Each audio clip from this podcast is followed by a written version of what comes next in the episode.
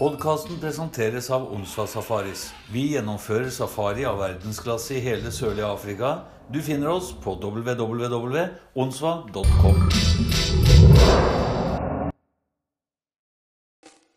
Hei og velkommen tilbake til podkasten Afrikafeber. Jeg er Odd Magne Doseth.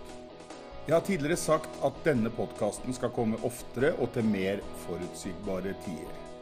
Det har jeg ikke klart å følge opp slik jeg har tenkt, men nå gjør jeg en del endringer, og har også en nyhet som blir en del av podkasten. Dette skal jeg si litt om i denne episoden, og jeg håper så mange som mulig vil følge meg her framover. La oss ta en liten titt på de planene jeg har.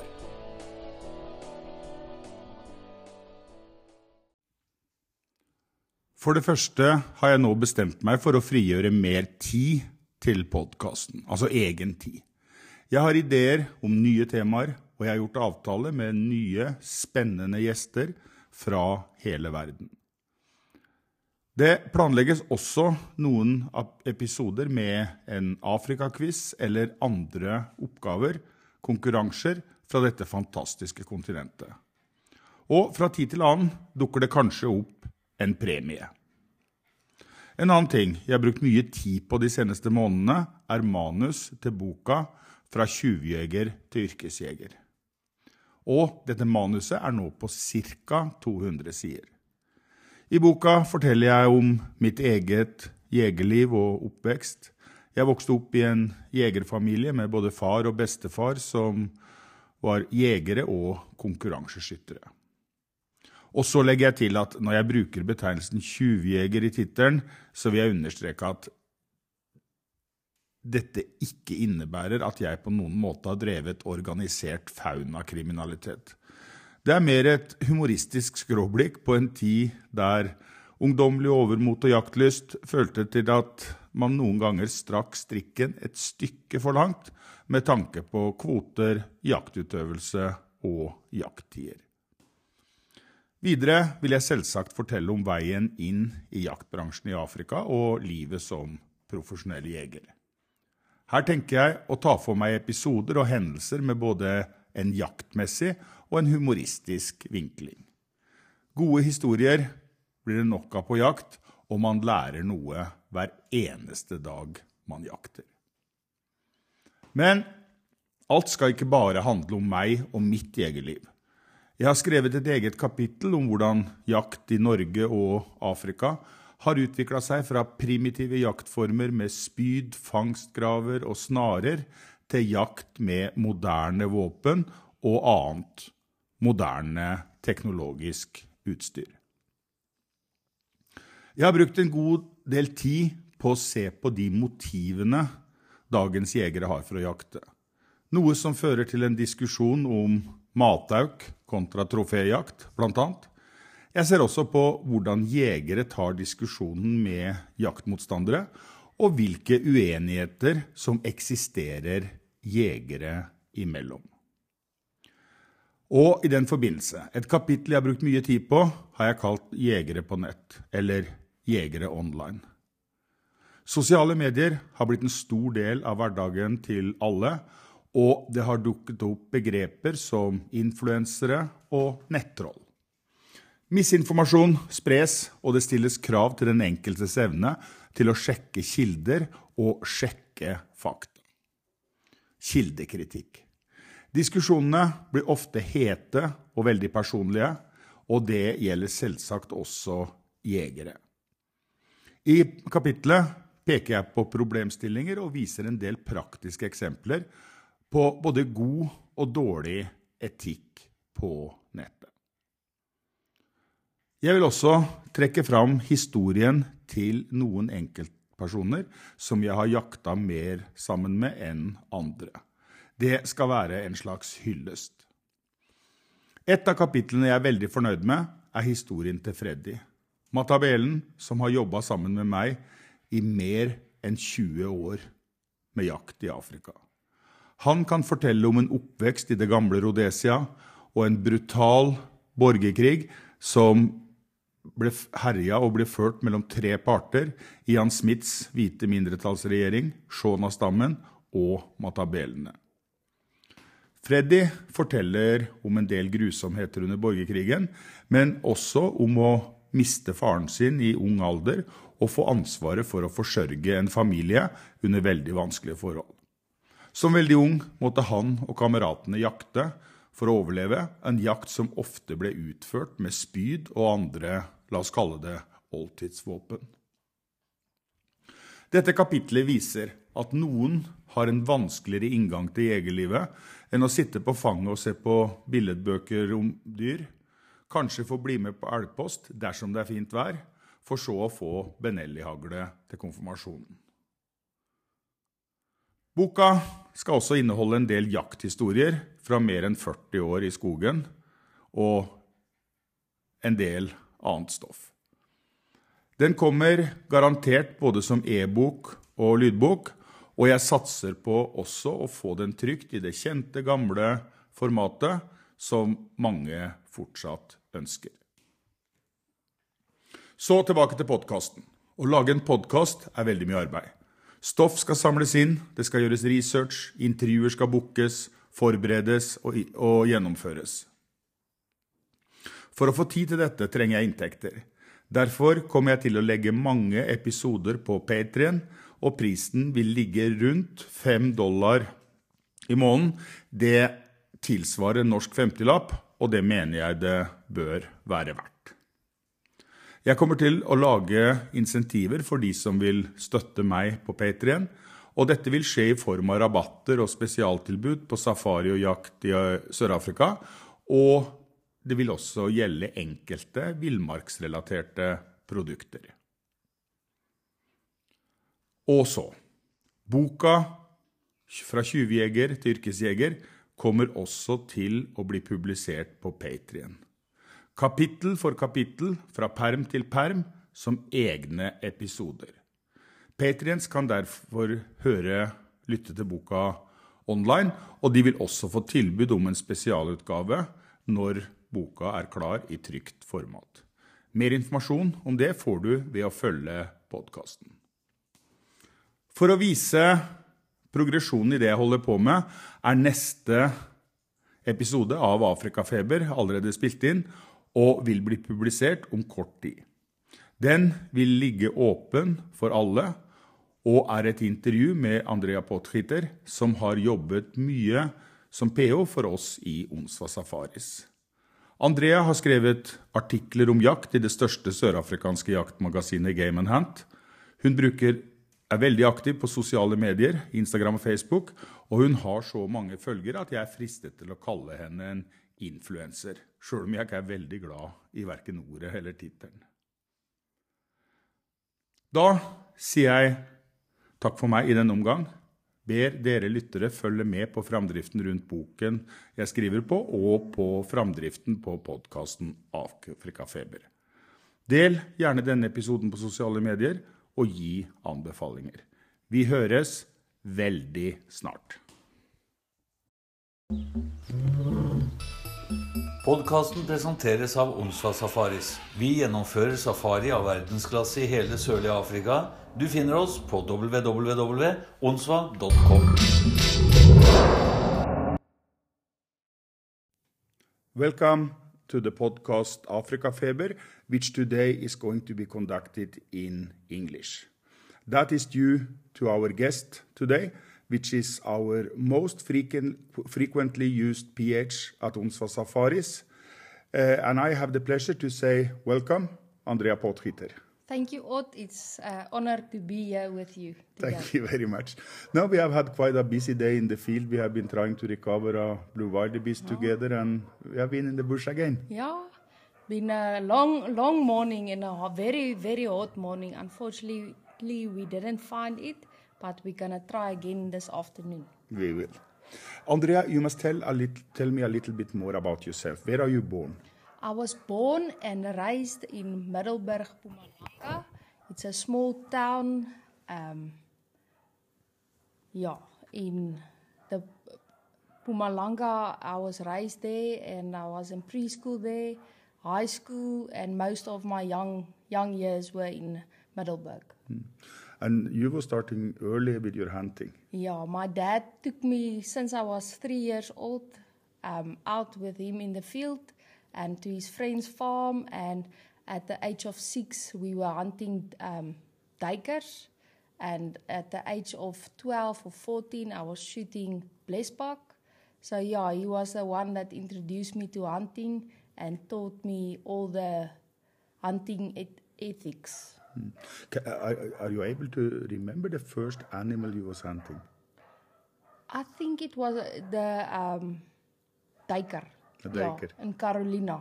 In Carolina. Yeah. and I remember that day, uh, uh, I thought um, you can cut the horns off. So I took the knife and I cut the lid of my finger off. So I just disappeared and I didn't say anything to my dad. And he was looking for me and he was finding me in the round the corner crying.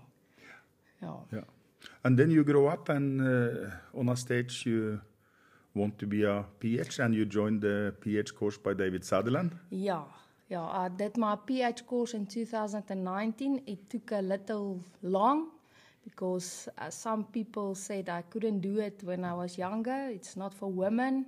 So I left my job and I did my PH course with my dad um, at David Sutherland and never regretted or looked back.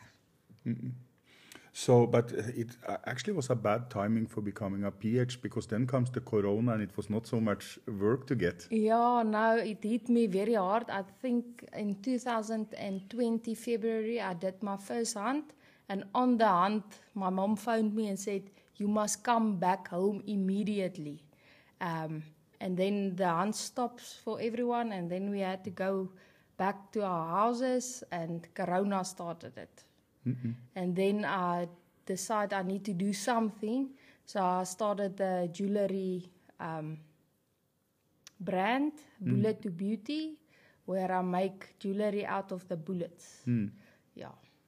Now we will post uh, we will post some links to that in the podcast uh, text so people can have a have a look. So, um, but then it was actually a lucky shot that we come in contact because I was in need for some extra PHs, and then it was Heinrich Dupré who contacted us. Yeah. Put he- us in contact. I remember um, he contacted me in back in 2021, uh, December. And he said, What am I doing the 14th of January? And I said, No, nothing. He said, I must be here. So we arranged that. Yeah. And then your first job was with a big, big, big group, and it was a lot of work. Yeah, a lot of work and running around, but with with it. Uh, Another thing, Andrea, you must tell about is that you are having you are you are quite common on social media, Instagram and Facebook, and you use the brand Pink Impala. Yeah. Tell us a little bit about the background for that. So what happened is Pink Impala started it, I think, before I became a PH. We were hunting in Marken, and I told my mom, like, I really want to do my PH, and there's then there's a need for women in the outdoors to motivate them and encourage them. So I was thinking of ba- about starting a clothing range, Pink Impala, because it's hard to f- find um, clothing um, for hunting for women in South Africa. So it ended up for like for um, motivation and encouragement for women in the outdoors. Yeah. But the, the name Pink Impala, that comes from a flower, doesn't it? Yeah, the flowers on the on the logo, it's a impala lily. So the design says it all, pink impala. Yeah. Yeah. No, it's it's uh, fantastic. But uh, you said that they struggle to find women clothing. Actually, I heard the same from Norway that it's been some women who started to make hunting gear and hunting clothes for for women. Yeah. But how do you feel being a woman in the professional hunter business? It's not so so many women who No, it's very rare, but I can't imagine myself doing something else. It's my passion and I live for it. Mm, I know. And uh, you have you have got a very good reception among the Norwegian clients. Do you see that they are more used to that women are hunting and have more respect for women? Yeah.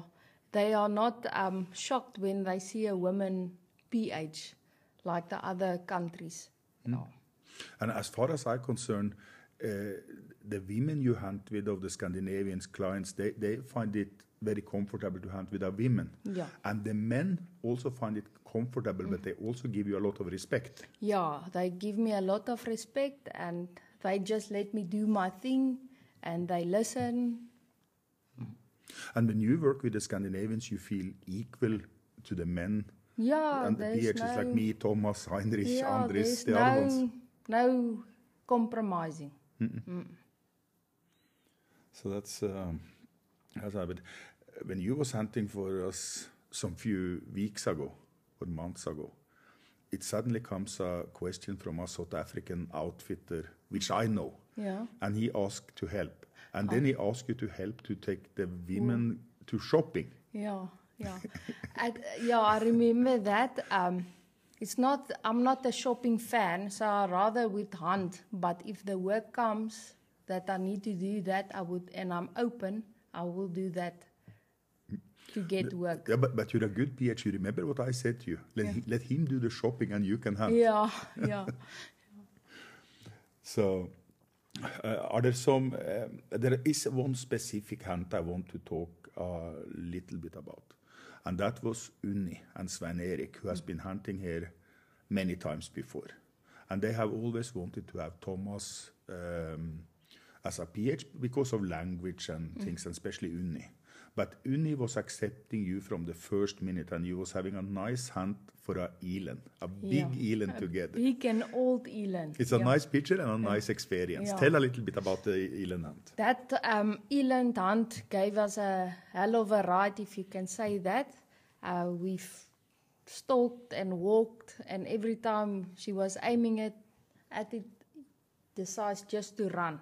Or you, the wind was turning, and after I think day three, um, we were able to get it. Um, yeah, she took a long shot, so it keeps on running, and just before dark, we shot it dead. So, are there any, any other hunts you remember from these Norwegian and Swedish people? Yeah, a tomrot with a um, impala that we shot here at Onsva with a blind eye. That was a very exciting hunt. And um, Theodore, Mm, Theodor, yeah. yeah, I remember the. It was one of the first hunts we were hunting here at Onsva, and our um, hope were up, and just on our way back, he shot the wildebeest, and that was very rewarding. Yeah, no, no, that that that was also a, a very magic moment for me because Theodor was a very nice guy, very interested mm. in hunting, and I it was his first animal in Africa, and I was taking you and him and Freddy to the bush camp, Yes, yes. and then you was walking down, Yeah. and you was spending hours in Hours, this yeah, thick bush. yeah. And when I saw the face mm. of all three of you, you and Theodor and Yeah. Freddy, Yeah. when you come home, that is good hunting. Yeah, that's that's proper hunting, and it is a very rewarding feeling when you work very hard for an animal and you get it. And to hunt here in these mountains, that's not easy. No, it's not easy. It's one of the toughest terrains to hunt. Yeah.